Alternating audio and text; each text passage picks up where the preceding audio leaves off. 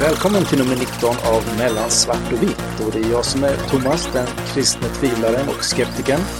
Och det är jag som är Dragan och som står för den humanistiska livsåskådningen i det här programmet.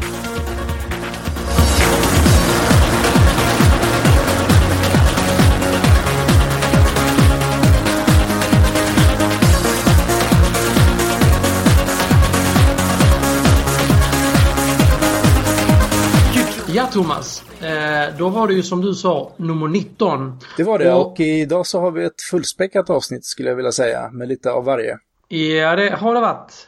Det har varit en eh, väldigt händelserik vecka, ja, tycker jag. Absolut. Mm. Det har ju hänt lite grann eh, ute i världen och eh, det har bland annat kommit ut en film som heter Innocence of Muslims. Precis. Och där har det varit lite kravaller, kan man säga. Ja, precis. Den eh, rörde ju upp en hel del känslor i, i vissa kretsar då. Och eh, jag vet inte, har du sett filmen eller? Nej, jag har bara sett delar från nyheterna och okay. eh, det lilla jag har sett så tänker jag bara så här. Det är förvånande vad en urusel film alla kategorier kan åstadkomma. Ja, precis. När jag tittar på den och, och, den är ju verkligen låg kvalitet på. Så mm, att det är ju... Du har ju till och med sett hela va? Ja, jag tror det i alla fall. Mm, 15 ja. minuter eller något sånt sa du att det var. Något sånt. Mm. Det här är ju betydligt värre än Lars Vilks på så många sätt tycker jag. Mm. Alltså man ger sig på och mördar oskyldiga ambassadörer för att några kristna idioter spelat in en billig film och lagt ut den på nätet. Skärpning skulle jag vilja säga. Detta är under all kritik. Dels är det under all kritik att spela in den här typen av filmer. Och det är, det är ju tragiskt att sån här skit kommer ut, eh, alltså får den här spridningen och uppmärksammas på det här sättet. Och jag har ju idag också följt eh, budskapet.tv med Bror Sally som vi har pratat tidigare där de har diskuterat det här och de tar just upp det här att det blir bara fel när man blåser upp det här så stort och de reaktioner som har kommit eh, då i vissa delar av världen eh, menar de, det är ju helt emot det som islam står för menar de och eh, jag har följt lite vad som står på Twitter och eh, jag vet att Sally skrev bland annat här eh, Ingen kan förolämpa profeten över honom vare frid. Vi förolämpar bara oss själva. Och eh, att eh, en annan sak då eh, var en annan som skrev de som skriker och gapar och slår sönder bilar och bränner flaggor för profeten Muhammed men inte går in och ber. Det finns olika sätt att kanske hantera en problematik och eh, hörde också här alldeles nyss då att vi behöver inte rädda profeten Muhammed. Vi behöver bara rädda oss själva, inte svara med våld. Och bästa sättet är att förmedla kunskap om islam. För att det här är någonting som många muslimer kommer att få frågor kring på sina arbetsplatser och i skolan och så. Och då, då gäller det ju att kunna förklara både vad man själv och vad religionen står för. Mm. Nej, helt klart. Eh, nej, detta är ju bara tragiskt. Det är eh, tragiskt på alla sätt och vis. Ja, det får vi nog eh, just göra, göra en slutkläm på. Ja, vi, vi säger som de gör i en systerpodd. Quack you allihopa. så gör du reklam för dem också. Ja, varför Hoppas Jag är så snäll. Jag ja, är du är snäll idag och det kanske ja. finns en anledning till det. ja, precis. Eh, jo, eh, sen har vi ju det här med frisläppandet av Etiopien, svenskarna som de har börjat kallas. De två journalisterna. Och eh, då är det ju två frilansande journalister utan arbetsgivare eller som de flesta av oss brukar säga då arbetslösa journalister. De har då inte haft något bättre för sig och tagit sig in i Etiopien olagligt. Därefter togs de på bar gärning, för det är ju egentligen vad som hände. Och nu, sen har det varit mycket om och till och från och Carl Bildt och hit och dit och... Eh, och sen har lite det fotografier så... med där de höll i vapen och sånt som dök upp också eller? Ja, ja på en film då. Ja. Men då undrar jag bara så här. Eh, sen blev de frisläppta och sen kom de hit till Sverige och blir hyllade som hjältar. Alltså, för vad? De tog sig in i ett land olagligt. Och det blev lite... Vad, vad, vad är de Alltså, för vad? För att de var dumma i huvudet eller? Alltså... Ja, men jag tror det är många som ändå har känt med dem. Det, det känns väl som en rätt liten förseelse och man, man står då inför att sitta fängslade i 12 år eller vad det var och eh, de har familjer och, och, så. Så att eh, det har väl jo, men, eh, men, engagerat men, många. Men de måste ju ha varit medvetna om liksom, vilka risker de, de tog, alltså ta sig in i Etiopien. Det är en stenhård diktatur. Och varför tog de sig in olagligt? Har det framkommit? Alltså de kunde ju tagit sig in lagligt också. Jag, jag, känner inte till detaljerna där, men jag tror inte de kunde, jag tror inte de kunde förutse riskerna riktigt. Jag har svårt att tänka. Du tror inte det? Nej, jag tror inte det. Okej. Okay. Jag är förvånad över att, ja, över många saker. Och sen så har det ju figurerat en film också som anses vara fake. Det här med att de blev tagna. Okay. Visst, eh, den kanske är fake men hur vet man att den verkligen är fake? Hur vet man att det inte är en rekonstruktion av händelsen? Precis som man gör på svenska rättegångar egentligen. Mm. Det, det undrar jag. För det ja. liksom, hur, hur tillförlitlig är källan bakom filmen? Ja, där, där tappar du mig. Det, det känner jag inte till någonting om. Ja, okej. Okay. Ja, vi kan låta lyssnarna tycka till om detta kanske. Det var det frisläppandet. Sen är det ju ett annat frisläppande eller release eller vad man ska kalla det för. Någonting du är glad för? Ja, det är kanske därför jag är så snäll. Ja. Och det var ju i onsdags som äntligen iPhone 5 släpptes. Och det var ju lilla julafton för en sån eh, Apple-nörd som mig. Eh, och jag lyckades faktiskt, jag stängde av sociala medier hela kvällen och tittade inte på nyheter eller någonting bara för att jag skulle vänta in den nästan två timmar långa filmen från keynoten som oh, jag tittade på tidigt på morgonen dagen på. Okej, okay. ja ja. eh, och eh, vi lägger ut en länk till eh, den här keynoten för er som verkligen vill inspireras och känna väckelsestämningen som rådde på det här mötet. Även om eh, det kanske inte var så på Dawkins-seminariet i Stockholm så tycker jag att det här har betydligt större religiösa övertoner. Och ja, det kan vara rätt skönt det också.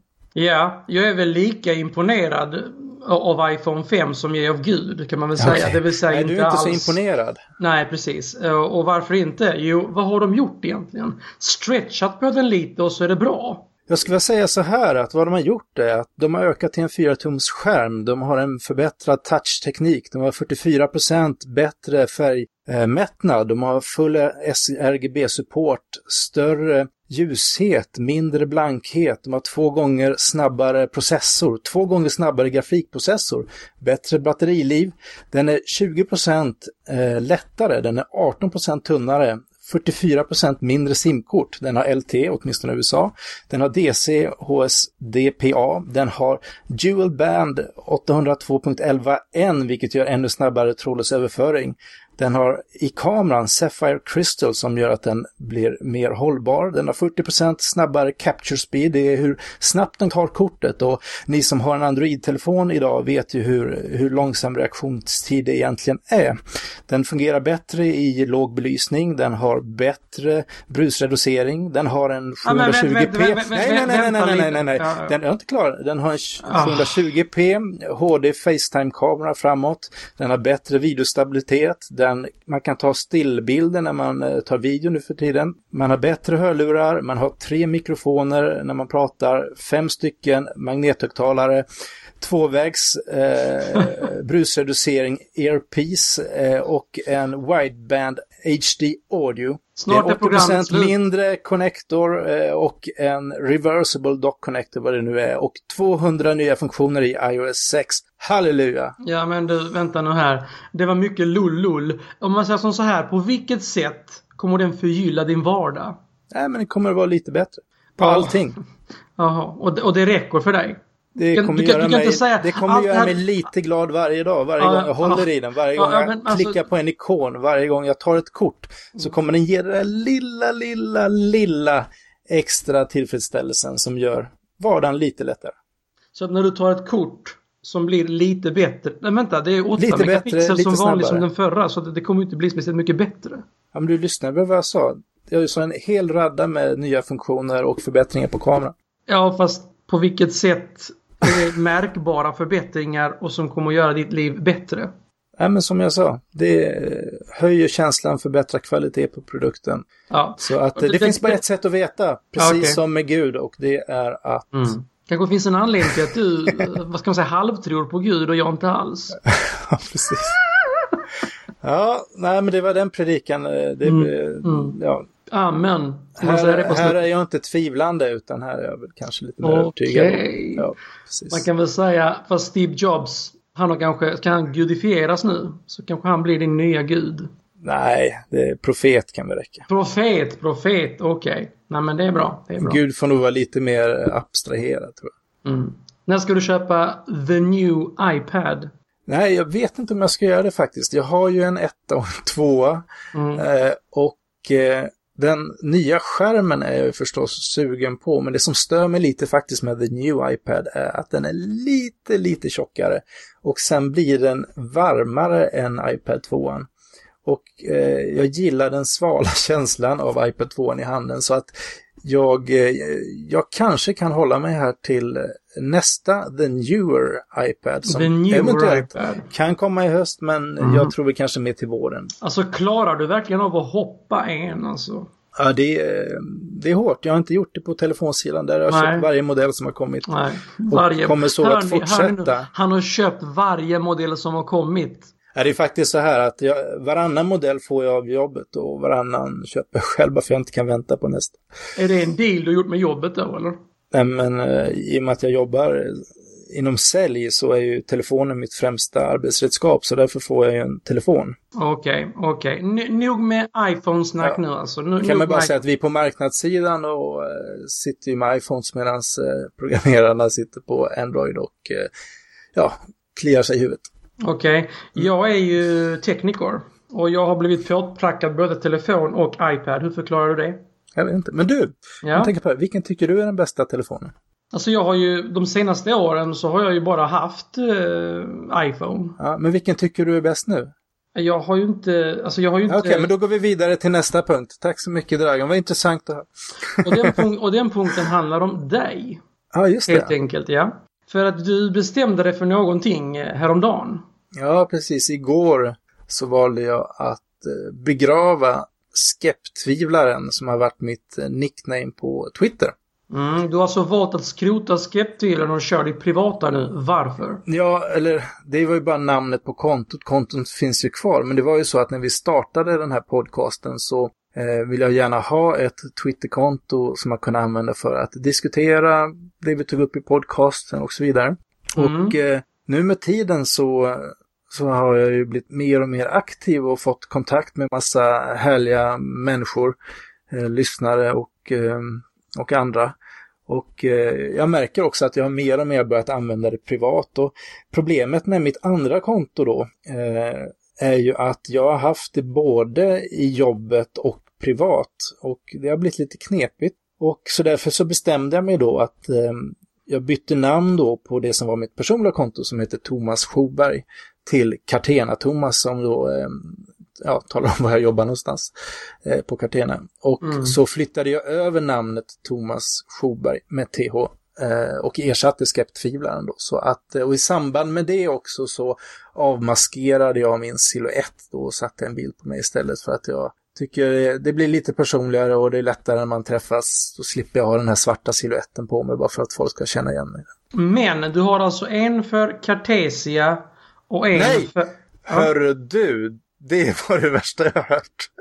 Ja. Cartesia är ju vår eh, konkurrent. Nu är vi för sig har samma ägare och sitter bredvid Ja, varandra. men förlåt. Cartena. det var ju Cartena. ett eh, det, det är så stor skillnad mellan som de jag Cartesia och Cartena, vet du. Mm. Ja.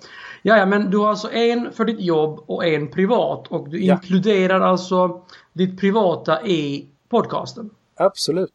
Det är en del, känner jag, av eh, ja, dels vem jag är och det som jag håller på med. Så mycket vi Okej. håller på med podden nu så är det ju en eh, stor del av, av fritiden faktiskt. Tycker du inte det är synd att skrota vårt, vårt fantastiska koncept på Twitter med silhuetterna och huvudkontot liksom? Det ser ju hur snyggt som helst ut. Ja, i och sig, men vi har ju kvar eh, silhuetterna i, i huvudkontot. Så att Mm. Så det Det var ju till och det var till och med någon som tyckte att det påminde om treenigheten i kristendomen. Alltså silhuetterna och huvudkontot. mm. Nu är Jo, det förstört. Nu är treenigheten förstörd. och det blir lite spännande om det nu är en tvåenighet. Det är väl lite en ny feature kanske. Fast det ser, ju, det ser ju betydligt mycket mer professionellt ut med treenigheten än så som det kommer att bli nu. Håller du inte med om det? Ja, men jag vet inte. Alltså som sagt, jag har ju valt att det här kontot inte bara ska vara jag pratar eh, livsåskådning och, och filosofi och skepticism utan att det får vara en blandning av allting som jag håller på med eller vill säga då. Det är inte så att du försöker härma de här andra skeptikerna som kör det är ungefär som du då. De har Ja, men jag har ju podcast och- alltid, alltså rent generellt på internet så kör jag alltid med mitt namn och min bild. Mm. Så att jag har känt nu med tiden när man har börjat interagera med mer att det har inte känts riktigt bra. Okej, okay, okej. Okay. Och även så är ju ofta då eh, när man kommenterar på andra sajter och bloggar så är det kopplat då till det här Twitterkontot och då kommer man in som någon sån här skum eh, anonym person och det vill jag inte göra utan jag står till 100% eh, för vad jag står för. Mm. For the record så vill jag bara säga I don't like it. Och sen tycker jag att tittarna kan få twittra in och säga vad de tycker. Är det ja. så att det är Thomas eller är det jag som är ute och cyklar? och eh, om det nu blir många, om det nu blir ett ramaskrik att de vill ha tillbaks eh, skepttvivlaren, kommer du att ta tillbaks honom då? Nej. Och, nej. Inte en chans, nej. Så du har ingen respekt för våra lyssnare alltså? Jo, det har jag. En hög respekt. Nej, jag, är fantastiskt glad för våra lyssnare. Men respekten måste ju börja inifrån. Ah, Hur ska okay. du kunna respektera någon annan om du inte ah, respekterar vi, vi, får helt, vi får helt enkelt acceptera att du gör den här, den här fadäsen helt enkelt. Yeah, respect my authorities, som de säger i Cartman. Ja, Men nog om dig nu. Nu tycker jag att vi ska lyssna på lite intervjuer. Absolut. Vi ska lyssna på vår första intervju idag som är med Justin Brierley från podcasten Unbelievable och vi ska prata om ateistbön-experimentet som börjar idag. Så att här kommer den. Okay, we're now joined by Justin Brierley, and he's hosting a UK radio show that's called Unbelievable. And uh, welcome, Justin, to uh, Mellan Svart och Vitt. Thank you very much for having me on, Thomas. Yeah, thank you. And uh, I'd like to thank you for a great show. I really enjoy it. Well, thank you very much. Uh, it's it's only what it is because there are listeners like you listening. So thank you. thank you. And uh, if there's, um, I think some of our listeners uh, don't uh, know about your show, so maybe you could just tell me briefly about uh, your show and a little bit about yourself. Sure. Well, uh, I am a presenter for Premier Christian Radio in London, in the UK. And for about getting on for six or seven years now, I've been presenting a show called Unbelievable, which is basically a show that brings together Christians and non-Christians for dialogue and discussion and debate. And so each week I may be joined by a Christian and perhaps an atheist or agnostic or perhaps someone of another faith, a Muslim, Jewish or, or something. And this can be on issues around whether God exists, whether the Bible is trustworthy. It could be a philosophical or historical or ethical issue. Uh, all kinds of topics get covered. Um, but over the last few years, as well as being a show that airs on a Saturday afternoon on the radio station, it's also become very popular as a podcast. So lots of people downloading it on iTunes, on the internet. And so it really has now has a, a worldwide listenership, which is great because I get to interact with people all over the world and, and it makes for a really interesting time. Yeah, I, I uh, got the recommendations uh, uh, for your podcast from an uh, atheist uh, friend, actually. yeah, well, this is the great thing about the, the show is it really has, uh, you know, started to um, cross some of those barriers and those borders, so that you know I get as many emails these days from atheist and agnostic listeners as I do from Christian listeners, and both seem to appreciate the fact that I try to give a, a fairly level playing field for the debate um, between the two sides, and and I think people just you know, appreciate being fairly represented, even if they don't agree with everything they hear. So, uh, so for that, I'm, I'm, very grateful. Yeah, I think you succeed good in the maintaining um, kind of objectivity and uh, posing the hard questions to both um, persons that you're interviewing. But uh, what about yourself and um, your beliefs or faith? Yeah, well, obviously, I, I try to, in a sense, be as um, fair when I'm in the moderator's seat as possible. But uh, inevitably, you know, I am a Christian, and so my Christian worldview informs the way I look at topics and issues. And so uh, I I don't make it, you know, I don't hide the fact that I'm a Christian on the show, and, and therefore uh, inevitably that's going to impact the way I look at some things. Um, I mean, as far as the way doing the show has affected my faith, I'd say that anyone listening to the show over a number of years will certainly come across probably every objection that's out there to the existence of God or the yeah. Bible or whatever. Um, but for me, uh, while it's been incredibly sort of interesting and, and sort of a, a, a, an interesting journey to hear all those objections, you know, seven years down the line, I, I am still convinced that Christianity is true, that it is um, the most plausible way of looking at the world. Um, and that, and so for me, it's been a deepening of my faith. It certainly challenged it in various ways. And, and I know that of many other people for whom it's been a real, you know, journey, um, yeah. as they've listened to the show. And, and some people tell me, you know, I've listened to your show and it's made me more convinced that there's no God. Other people have listened to the show and they've said, I was an atheist, now I'm an agnostic, I'm not so sure. Other people have listened to the show and said, I was a non-believer and now I'm a Christian. Um, so it's, it's interesting the way different people have, have different reactions to the kinds of discussions we host. Yeah, yeah. I was going to ask you that question, but you answered it uh, regarding how the show has affected your belief, because uh, that's what I feel about uh, our podcast. That that is a way for me to challenge and explore my own beliefs. Uh, so I think it's a very interesting way of doing that. Yeah, absolutely. I think I think that um, the problem with sometimes what's you know called apologetics in the Christian world is that it's very often uh, a conversation that happens within the community, and so um, all too often I feel that sometimes the answers that we like to give each other tend to be somewhat easy answers, and we don't necessarily lend them to the scrutiny and the, the hard questions of others, and, and that's really what the show is aimed at. It's, it's kind of hopefully taking those apologetic arguments that are good, that I think are good, but but kind of putting them at the cutting edge of the, you know, at the coal face, and and just allowing others to scrutinise them and um, and seeing whether they stand up in the end. So, yeah. so ho- hopefully that happens. And now you're initiating a project that you call the Atheist Prayer Experiment. Uh, could you tell me a little bit about that? Yeah, well, this is a somewhat unusual and I suppose slightly idiosyncratic in terms of what we normally do on the show. But um, I'd been in touch with a Christian philosopher in Oxford called Tim Mawson, and I'd been reading a paper he published a few years ago called um, "Praying to Stop Being an Atheist." It's quite an interesting paper which makes the case, uh, a philosophical case, for the idea that uh, an atheist should, prima facie, um, pray to God to stop being an atheist, and he kind of gives the various reasons why why that would make sense. And I was thinking of maybe doing a, a program interviewing him with another guest on it. Okay. And, and as as I was walking across Vauxhall Bridge in London, thinking about this, I just suddenly thought, well, what if we actually invited atheists to, to, to literally pray, you know, in the way that the the uh, paper suggests that they should? I just thought that that could make a fascinating extra dimension to the program. And indeed, um, that's what we've gone ahead and done. And, um, and we've had a, a, number of responses. Some people are very skeptical of the idea. You know, what's the point of this? Uh, this is just kind of going to, you know, be sort of a confirmation bias for those who already want to believe or something like that. Yeah. Others are very open to it and say, yes, count me in. Um, I'm, I'm willing to give it a go. Uh, so it's, it's, it's already very interesting and we haven't even quite begun the experiment yet. No. Uh, wh- when does the experiment start? It starts on Monday the 17th. Yeah. So as the time we're recording this, it's just a few days away, really. Yeah. It, it's going to it's going to be going on for 40 days.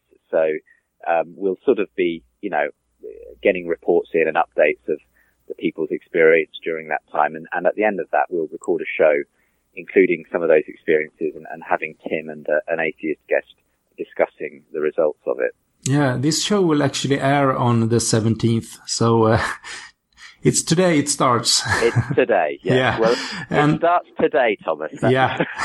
that's when it starts. So, uh, and also 40 days. I mean, that's quite a lot. Uh, I've been a Christian um, uh, since I was a little child, and I don't think I managed to pray for 40 days in a row.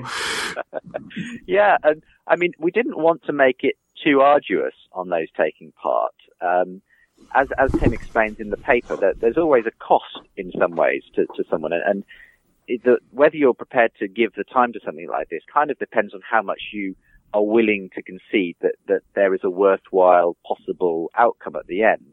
Um, and, uh, you know, it would be probably un, uh, it wouldn't be fair to ask people to go on a retreat for 40 days and, and that sort of thing. But yeah. asking maybe for a couple of minutes for 40 days if you think the question of whether God exists is worth exploring, and you think that this is a, a worthwhile way of doing that, then it strikes me that that's not too great a cost on you. Um, you know, that, that works out at about two hours over the, the whole of the 40 day period, though obviously remembering to do it finding the, the moment to do it is, is, is all part of that process. It'll just be interesting, really, to hear what people got out of just having, you know, carving out a little bit of time every day for that, as well as as well as whether they actually thought they they got anything in response. Yeah, I guess you could argue that this is uh, some kind of new trick to get atheists to pray to God. Yeah, well, in a sense, it is certainly a way of getting atheists to pray to God. Uh, I hope that it doesn't come across as we're doing anything deceptive. That's not the idea at all. It's um, I'm, I'm just interested in, in seeing what happens, uh, you know, and I'm I'm fully, you know, I'm call me as have, not having enough faith, but I'm fully expecting lots of people just to report nothing happened, you know. Yeah. Um, and a number of people who have said they'll take part have already said, look, I, I effectively tried this, you know, some time ago when I was praying, asking God to reveal himself to me and nothing happened. Well, and that, you know, but, uh, whatever the results, we're just going to sort of be able to look at that and say, well, well, what does, what can this tell us? What does, you know, is, does that mean that therefore it's less likely that God exists? Is it more likely would God have reasons for not answering a prayer from a Christian perspective? I think it'll just open up interesting questions. Yeah. Um, and I, I suppose some people have a sort of worry that, well, if you start doing something like this, uh, asking God, you know, acting as though God is there, then it will kind of have play a psychological trick on you and, and make you start to think that. that um, again, I would urge anyone wondering about that to read the paper. It's something that Tim Mawson deals with there and talks about. Well, could could there be a sort of you know psychological trick going on here? And and he says if if you feel you're susceptible to that, then don't take part. But m- most atheists he knows of don't feel that they would be in danger of sort of some kind of uh, false positive type of result from from this. No, but uh, because uh, of course you can't um, count uh, any result as uh, evidence in a scientific way, but uh, I guess it could still be interesting to um, to uh, discuss.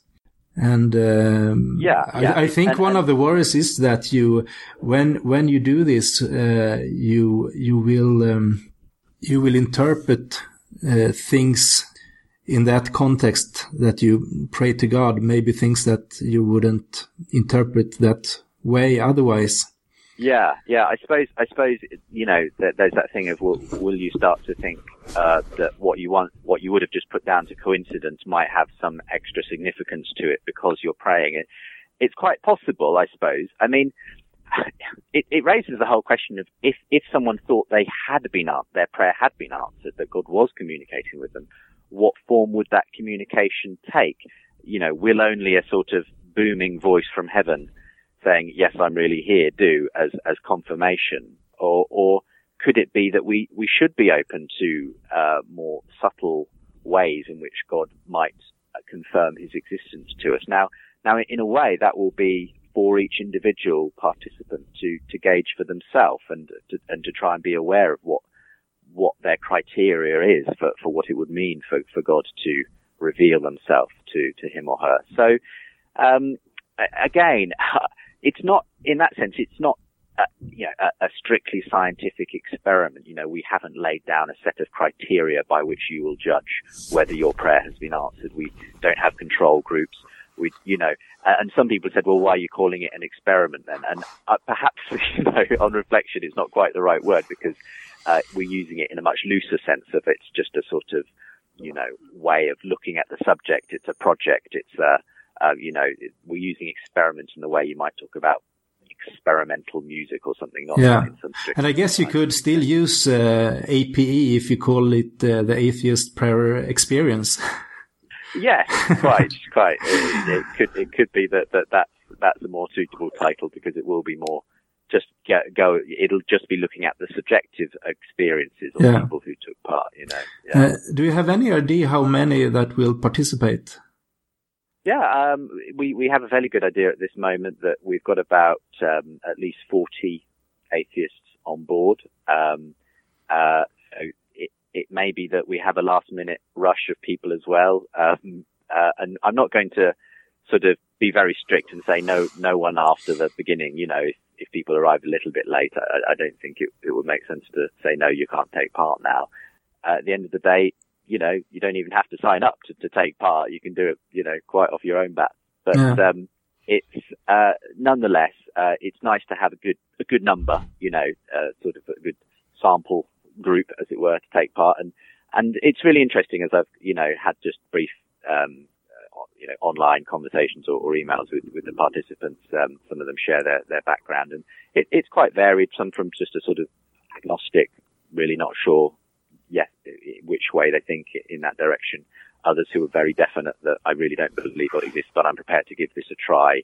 Um, there's just enough wiggle room for me to think that it's it's possibly worth it um, people, you know, from quite different backgrounds as well. It's, it's, it's good that it's not all men, whereas I often find that most of the atheists I often engage with are men. It's, it, um, there's been a, an, at least a number of women taking part. I think that that's an interesting aspect of it. One, one of them even who's um, about to give birth in one and a half weeks. I think that'll be oh. a very interesting context to, to be carrying out this experiment in. But but I'm just looking forward to seeing what, what people come back with and um, um, you know what kind of um, experiences are related. Yeah, if uh, any of our uh, listeners want to participate, uh, what do they do?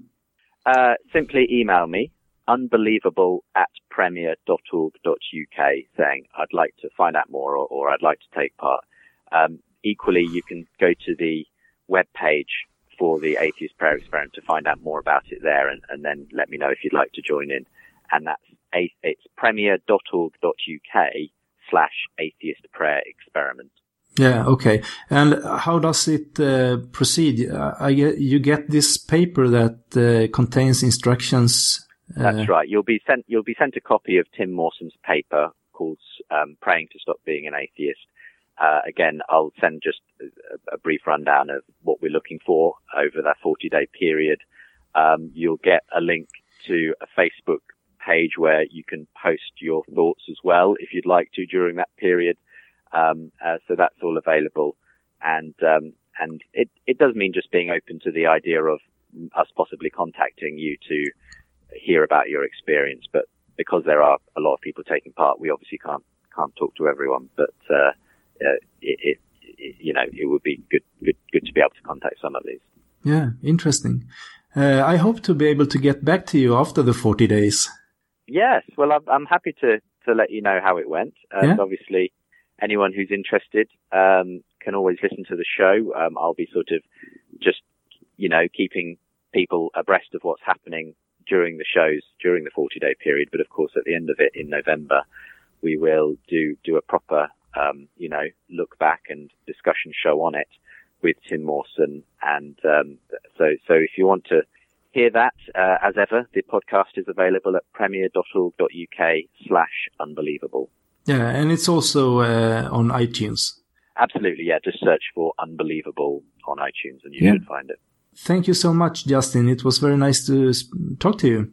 Well, it's been great to talk to you, Thomas, and all the very best with what you're doing on your show too. Yeah, thanks. Bye. Thank you so much. Bye bye. Jag tyckte det var kul att höra uh, att folk hade ändrat livsåskådning efter att de lyssnat på podcasten. Då har man ju verkligen lyckats göra en bra podcast. Mm. Uh, men det där med The Atheist Prayer Experiment känns som en riktig waste of time får jag väl säga. Det är lite som att låta vuxna människor i alla länder sitta och vänta på jultomten i 24 timmar på julafton för att bevisa rent empiriskt att han inte finns. Ja. Det känns som, uh, what's the point liksom? Men frågan är väl vad som är mest livsförvandlade. Guds existens kanske är en sån stor viktig fråga så att det är värt tiden man lägger ner. Eh, att lägga ner 24 timmar på, eh, på jultomten där kanske inte känns så eh, relevant. Tror du på fullt allvar att detta skulle kunna resultera till något annat än det uppenbara, det vill säga att ingenting händer? Jag vet faktiskt inte. Och jag känner faktiskt att eh, det här kanske vore någonting för mig. Va? För jag kan ju säga att jag ber egentligen väldigt sällan och jag ber framförallt väldigt sällan uppriktigt till Gud att han ska att han ska visa sig för mig, utan det bön går ofta på rutin. Det är Gud som haver med barnen. Och ja, men du är inte är ateist. Du kallar det inte för ateist och då funkar det väl inte? Nej, men det handlar ju om människor som skulle vilja att Gud uppenbarade sig för dem och det skulle jag ju också vilja så att eh, men jag vet inte, jag kanske inte tar det tillräckligt på allvar. Vem fan gör det? ja, jag har i alla fall läst eh, lite i den här uppsatsen, det här paperet av TJ Mawson som ligger bakom eh, det här experimentet. Och... Varför har det gjorts en uppsats? Nej, han ville väl det. Okej. Okay. Han, han, han har väl funderat över... Men vem är nu var, TJ, varför... vem är TJ Mawson? Eh, TJ Mawson, han tillhör St. Peters College i Oxford. Det är väl ungefär så mycket som jag vet. Och eh, anledningen till att han har skrivit det här då, det är väl för att eh, utröna på vilket sätt det skulle kunna vara intressant för ateister att be och söka Gud. Och eh, hans eh, argumentation är att ateister som, som tror ändå att Guds existens eller icke-existens är någonting viktigt och, eh, eh, och på något sätt också kan, kan tänka sig att be till Gud att han uppenbarar sig för dem, skulle kunna göra eh, det här då. Och eh, tanken är väl egentligen om man tänker sig att eh, det är en man som har eh, kommit på drift i i havet och han är fast i en grotta och strandar. Eh, och han ropar eh, efter hjälp fast han aldrig ser någon eller det finns ingen i närheten. Så i ett sånt läge så, eh, även om det kanske egentligen inte är lönt eller att man inte känner det är lönt, så kanske man ändå ropar och eh, det finns väl de som kanske känner så existentiellt också att det, det kan vara värt att ropa, varför man vet ju inte om det kanske finns någonting där ute ändå. Eh, och en annan liknelse som man gör det är att, eh, att man då, eh, någon säger att i ett rum så finns en gammal man som man kan ha en relation med och prata med. Och då är då frågan om man är intresserad av att gå in i det här rummet och fråga om det är någon där. Och på det sättet man kan be är väl till exempel då att ja, jag tror inte att du är där Gud.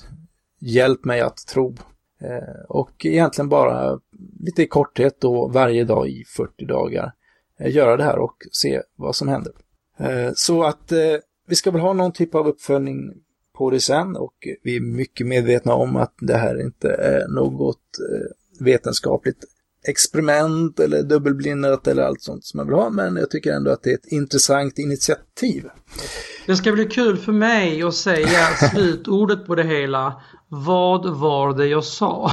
ja, vi får väl se det. Ja, ja precis. Eh, nästa sak som vi ska göra är att vi ska gå över till en intervju mm. med en person som är kristen han är trollkar, han är skeptiker, föreläsare och en hel del mer. Han får berätta mer själv.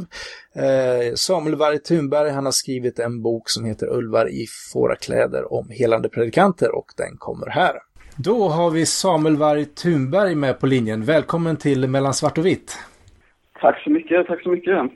Eh, skulle du bara kunna eh, berätta lite kort om vem du är för de som inte känner till dig? Ja, eh, jag är alltså magiker och föreläsare och eh, kallar mig också ganska precis som dig en eh, tvivlande kristen eller en, en kristen med skeptiskt synsätt på världen. Det, det där med att sätta en etikett på sig kan vara krångligt ibland. Men, ja, precis. ja. och eh, du har också en hemsida med en blogg som heter Blogg utan punkt som är rätt välbesökt. Hyfsat välbesökt, ja. Det är några tusen läsare i månaden i alla fall, så eh, det får man nog säga. Och för er som undrar, samuelvargthunberg.se eller bloggutanpunkt.se. Precis, och där, och där möts både troende och icke-troende har jag förstått. Ja, det har väl kommit att bli lite av ett forum, eh, ett samtalsforum för såväl teister som ateister och agnostiker och eh, allt möjligt folk. Och det det är väldigt eh, gott ser jag det som. Jag, jag ser mig väl själv lite som en medlare mellan de här grupperna eftersom jag förstår båda sidorna hyfsat väl i alla fall. Sen kanske jag inte förstår någon sida fullt ut liksom. jag står lite där mitt emellan de här två grupperna och fungerar lite som en bro, blir lite trampad på och sådana grejer. Nej, nej men det är, det är jättekul faktiskt. Och jag trivs bra att eh, ha den rollen där. Ja, precis. Och så har du kommit ut med din första bok, Ulvar i fårakläder. Stämmer bra. Det är kanske lite missvisande att kalla det en bok och att jag har gett ut den. Jag, jag skickade ut det här um, ett 20-30-tal sidor till en del kyrkliga förlag. Jag ville ju då ha ut den först på ett kristet eller ett kyrkligt bokförlag. Men eh, de flesta sa så här, nej det passar inte vår profil eller det här är lite för eh, provocerande och iögonfallande så vi vill inte publicera det här. Okay. Så då tänkte jag, nej. Eh, då, så jag skrev lite till, så jag landade på ungefär en 30 A4 i, i datorn då. Och så tänkte jag, ja men då gör jag ut det som ett kompendium på hemsidan istället. Så får jag se hur stort intresset är och är det stort då, då skriver jag kanske 100 sidor och så försöker jag ge ut det på något annat eh, förlag.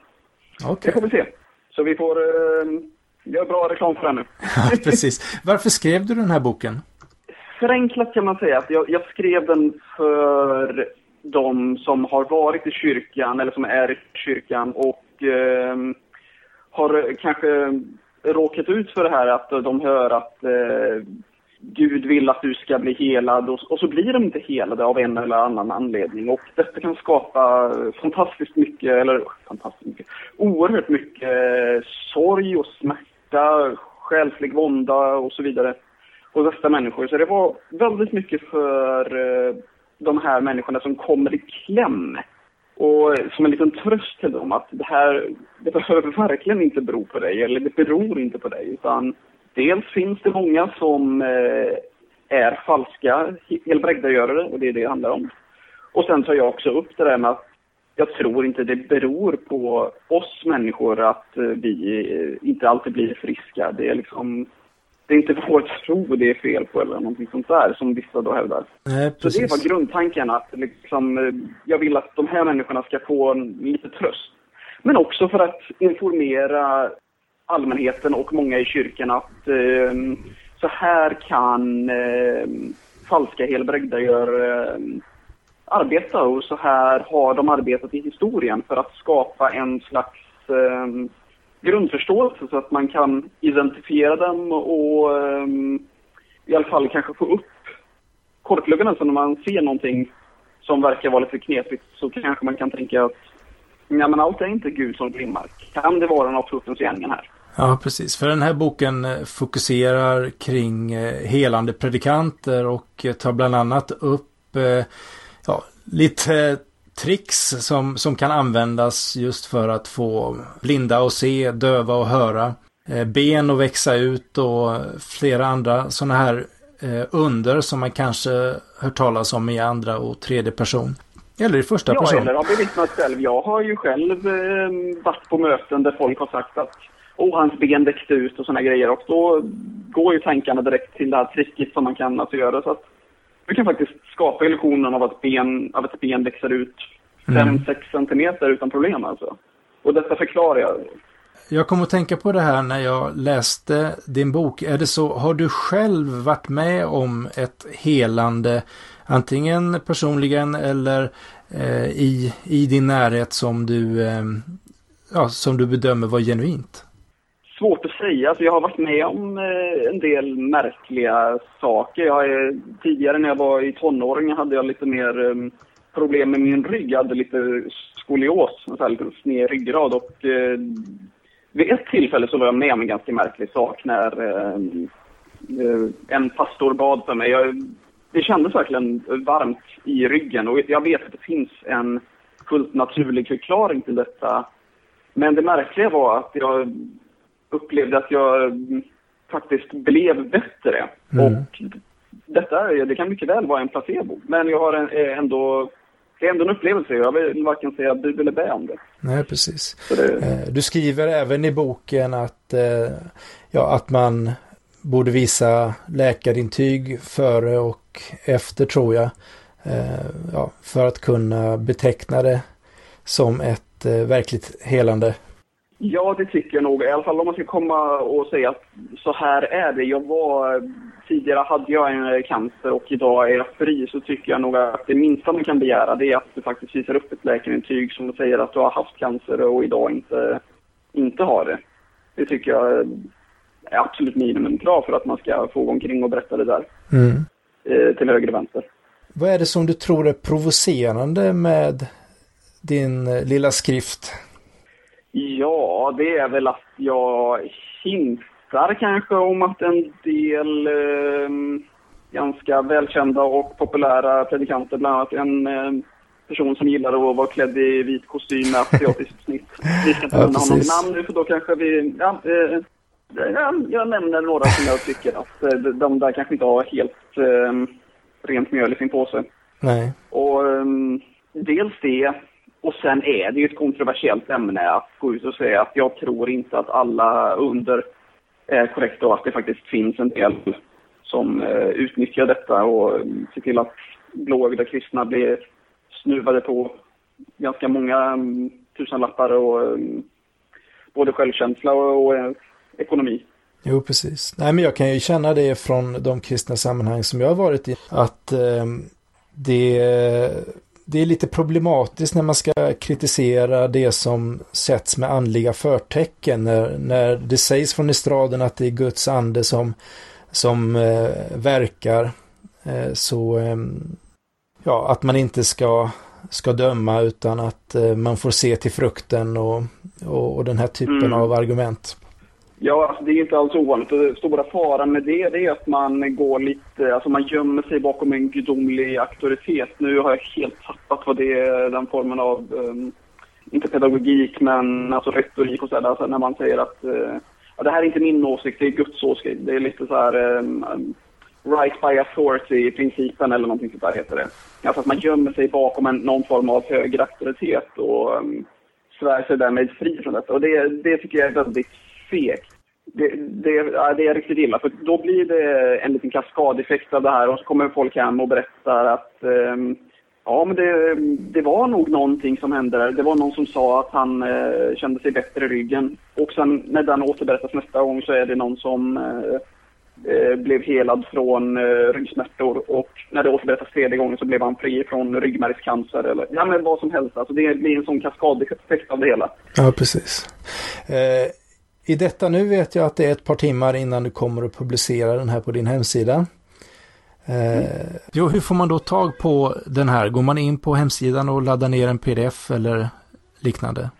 Ja, det stämmer ganska precis det. Och eh, då går man in på samuelvargthunberg.se och antingen så går man in på bloggutan punkt och letar upp då eh, inlägget som heter så mycket som, nu ska jag gå till det här så att jag inte säger fel. Ulvar i fårakläder, en kort introduktion av falsk helbrägdagörelse. Och det kommer ju då, när det här släpps antagligen vara den senaste, eller det kanske den näst senaste bloggposten.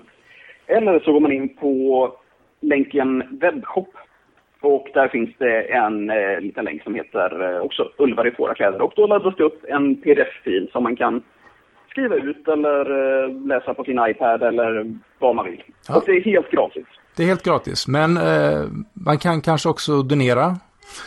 Om Om man, man vill så finns det en liten Paypal-donera-knapp. Men eh, det, är- det, är helt, det är helt fritt. sen det är också några som har varit med och eh, bidragit till boken. Bland annat så är det väldigt eh, fina, roliga illustrationer. Ja, alltså det är fantastiskt mycket hjälp har jag fått med boken. Dels av folk som har korrekturläst och så, men jag har ju fått förord av såväl Karl-Henrik Asklund som är reporter och författare från tidningen Dagen. Och också eh, John Howley, vår eh, skeptiska eh, medlöpare Precis. som då är komiker och illusionist till vardags och också har en fin podcast som heter eh, Radio Howdy. Så de har ju skrivit fantastiska förord, ett kyrkligt och ett skeptiskt. Sen har James Randi eh, gett mig tillåtelse att använda mm, en bild från hans bok The Faith Healers. Och sen har vi också The Naked Pastor, eh, mer, också, eller mer känd, mindre känd som David Hayward. Eh, han har eh, illustrerat eh, boken med tre teckningar eh, som jag då har fått full, också full tillåtelse att använda. Ja. Också en fantastisk eh, sida för den som inte kanske trivs med den traditionella kristendomen och gillar när folk tänker till grann. Det är nakedpastor.com. Den tycker jag ni ska gå in på och kolla. Fantastiskt rolig och bra sida. Absolut, det var ett bra tips. Ja, nej men vad spännande. Du får önska mycket lycka till med häftet och jag tror säkert att det kommer att öppna upp ögonen för flera. Vi får hoppas detta. Absolut. Och, eh, jag vill också påpeka att jag vill ingenting eh, ont med. Det är många som kommer antagligen, jag kommer säkerligen få en hel del eh, mejl och kommentarer om att jag är elak och inte tror på under och fördömer alla som ber för sjuka och sådana grejer. Men det är absolut inte poängen, vilket också jag tror det tydliggörs ganska mycket häftigt. Eller vad säger du som har fått smygläsa det för dig här? Det tycker jag är alldeles klart. Så att, eh, det var gott. Och den, och den som, har, träff, den som har träffat dig är nog helt övertygad om att du är snäll också. Så att, eh. det var gott att höra. Ja, nej men vad bra. Tack så mycket Samuel ja. för att du eh, ställde upp i podden så får vi säkert tillfälle att eh, höras framåt också. Och tack själv och tack, eh, tack för att jag fick vara med och tack för en fantastiskt intressant och eh, väldigt rolig underhållande podcast. Jag försöker lyssna på den eh, nästan varje gång den kommer ut har jag lyckats. Inte riktigt varje gång, men det, jag har ett par avsnitt tror jag missat. Men det, ni gör ett kalasjobb. Okej, okay, roligt att höra. Ha det gott! Tack detsamma. Hej! Ja, det var Samuel Varg med sin nya bok. Har du några kommentarer, Thomas? Ja, jag tycker att, eh, att det är bra att han ger ut den. Jag tycker att det behövs eh, diskussion och att man pratar öppet om de här avarterna som, som faktiskt eh, existerar och där man då bjuder in den här typen av helande predikanter ibland då för att dra folk eller för att det ska vara lite spektakulärt och så. Det, det är någonting som jag har eh, väldigt svårt för kan jag säga. Mm, lite avslöjanden är ju aldrig fel. Vi får önska Samuel lycka till med boken. Absolut, mm. absolut. Och då går vi över till veckans citat. Och ska vi börja med veckans bibelord kanske? Vi börjar med veckans bibelord och mm. det är från Hebreerbrevet 13, vers 1 8. Kom ihåg att visa gästfrihet, ty det har hänt att de som gör det har haft änglar till gäster utan att veta om det. Okej. Okay. Om man bara läser citatet sådär rakt upp och ner så låter det bara weird i mina öron. Jag skulle vilja placera in det i facket weird bibelord. För jag hade ju tre fack som vi, om vi minns det. Tokiga bibelord, bra bibelord och weird bibelord. Ja, så är det. Vad är skillnaden mellan tokiga och weird? Det låter ju lite liknande.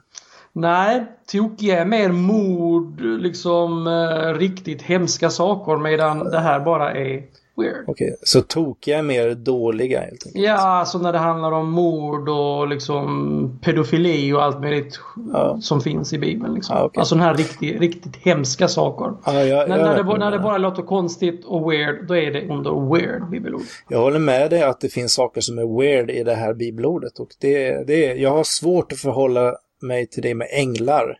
Mm. Eh, jag menar, skulle, skulle de se ut som människor eller kan änglar ta mänsklig skepnad så att man kan ta fel? Det, det tror inte jag spontant eh, och det är ju, det är ju rätt intressant att man kan uttala sig om när man eh, knappt vet om man tror på Gud eller Bibeln och så, men eh, spontant så, eh, så tycker jag det låter märkligt. Och, eh, men annars så, eh, det här bibelordet då, det vi kan lära oss av det, eller det som det står där, det är en, det är en påminnelse om att vi ska vara generösa mot varandra och eh, även då mot eh, främlingar. Och ja, man vet aldrig vad det leder till. Mm. Nog om bibelordet. Nu kommer veckans ateistcitat och det lyder så här.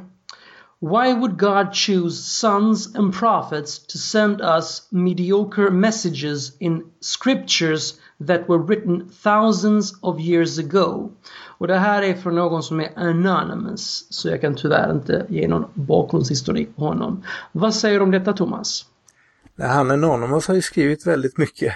Men eh, jag eh, kan väl hålla med eh, till en hel del. Alltså jag, jag, kan ju tycka att det är lite svårt det här med att vi har heliga skrifter då från länge sedan som, som sägs ha en gudomlig auktoritet och eh, som då som det står här profeter och andra har förmedlat. Eh. Så någonting som jag funderar på och som jag gärna skulle diskutera mer om med, med troende och icke-troende är just eh, varför Gud behöver eh, en helig eller som en del menar då perfekt bok för att vi ska kunna leva som, som troende. Mm. Och eh, ja, sen huruvida de är mediokra eller inte, det, det är väl upp till diskussion. Så det låg någonting i det, om man säger som så? Ja, det, det ligger ju någonting i, i frågan, absolut. Mm, mm. Kanon! Det var veckans citat och nu så går vi över till något som har varit lite debatterat. Vi har ju fått en del tweets om vårt nya inslag om musik innan eftersnack. Vi frågade ju efter vad folk tyckte och vi har fått in lite positiva sådana så att vi kommer att lägga in det som ett stående inslag framöver. Det är väl härligt Thomas? Ja, alla var ju inte positiva, men faktiskt merparten var det. Ja, var det inte bara bibelorden, tokiga bibelord som, eh, som var negativ? Det var med glimten i ögat. Ja, säkert. Eh, men eh, då, då, är det ju min tur den här veckan att spela en låt. Och till skillnad från dig Thomas, som försöker förstöra vårt koncept på podcasten, så gör, jag det, så gör jag det jag kan för att stärka vårt koncept. I det här fallet så blir det att förankra konceptet ihop med våra stående inslag. Veckans låt då. Men då tycker jag i rimlighetens namn att texterna på dina låtar bör anknyta till den inriktning vi har på podcasten eller till de ämnen vi diskuterar. Gör dina låtar det? Ja, det kan jag väl tycka till, till viss del här som jag gjorde förra och eh, det kanske blir mer anknytning än vad mm. man kanske anar framöver. Men mina låtar är som min konst. Det vill säga, det kan tolkas på många olika sätt och speciellt den här låten. Okej, det låter spännande. Ja, om, vi, om jag då förklarar konceptet här då. Att om vi säger att den första raplåten då, The Raw One, som jag spelade för två veckor sedan. Om, om vi säger att den är svart. Och den okay. låten vi kommer att få höra nu är vitt. Så kan vi säga att lyssnarna i kommande program av podcasten Mellan svart och vitt kommer att höra en hel del mellan svart och vitt i min musikkarriär mellan 1990 och 2008.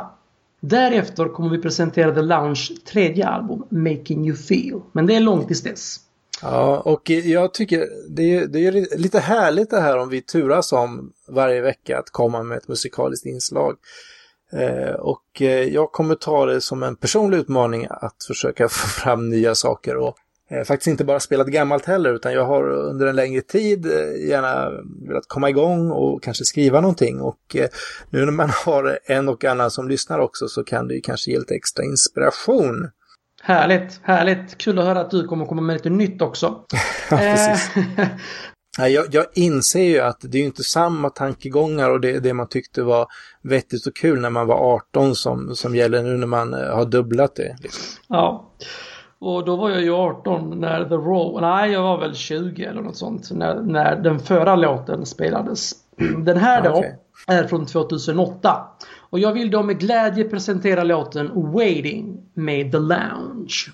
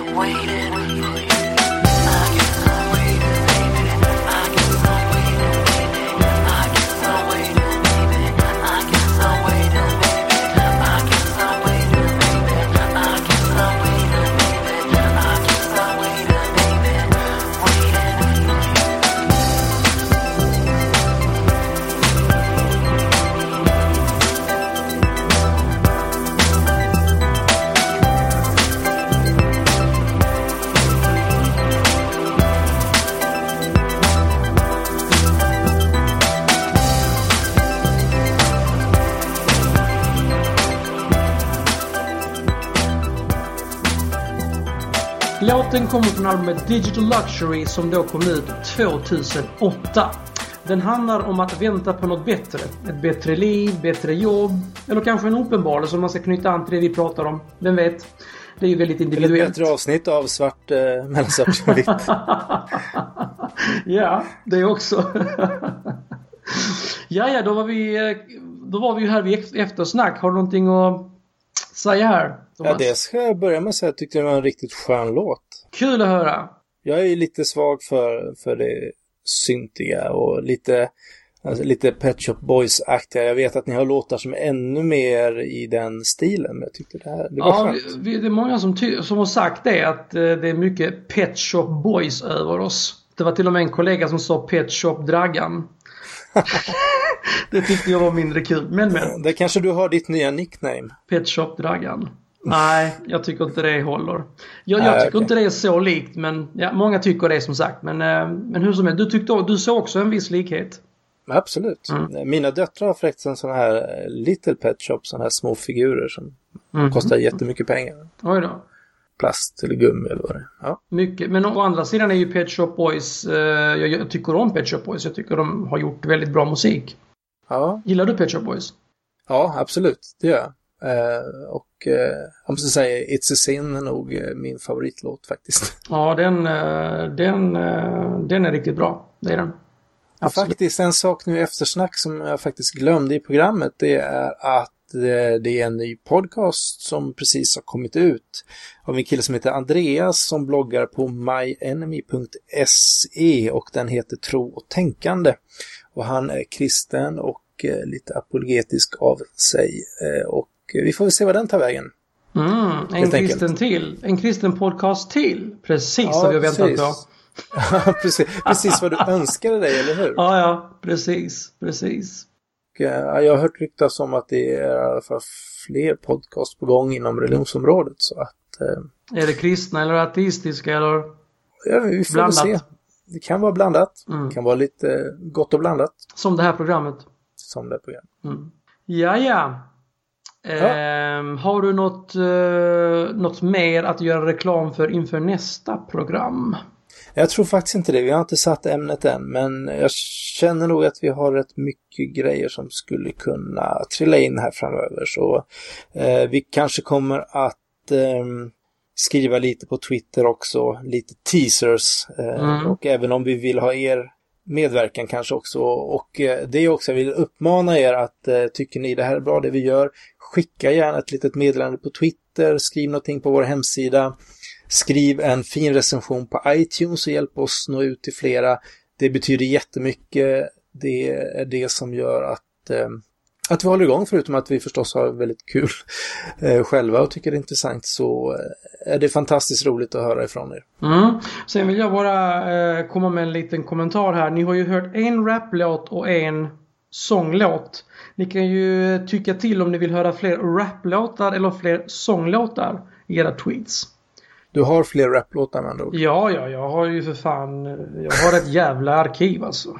Ja, det är som där blir det alltså. explicit. Alltså. Där blir det explicit det här avsnittet. Eh, jag vet inte. Jag, vet, jag, jag, känner så här, ska jag verkligen ha de här låtarna? Jag var ju faktiskt 20 Nej, jag då. Tänkte, ja, okay. Med, jag hade ju influenser som Ice-T och Public Enemy. Känner du till dem? Ja, det gör jag. Absolut. Oh, wow. Nej, och Ice-T svor ju mycket.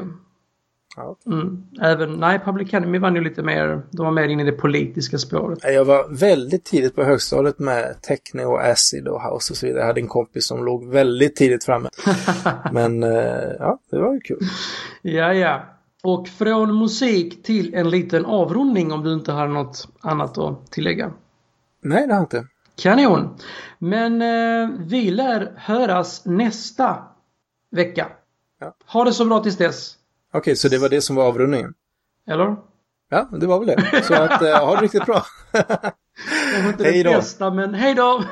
Hej! Det var en kanonavrundning det alltså. Du har lyssnat på podcasten Mellan svart och vitt. En podcast som handlar om tro, tvivel, skepticism och humanism. Om du gillar oss så gå gärna in på iTunes och ge oss höga betyg och fina recensioner så att vi kan nå ännu fler lyssnare. Ta gärna kontakt med oss. Vi har Twitterkonto svart vitt för programmet och Thomas har Thomas Schoberg med TH.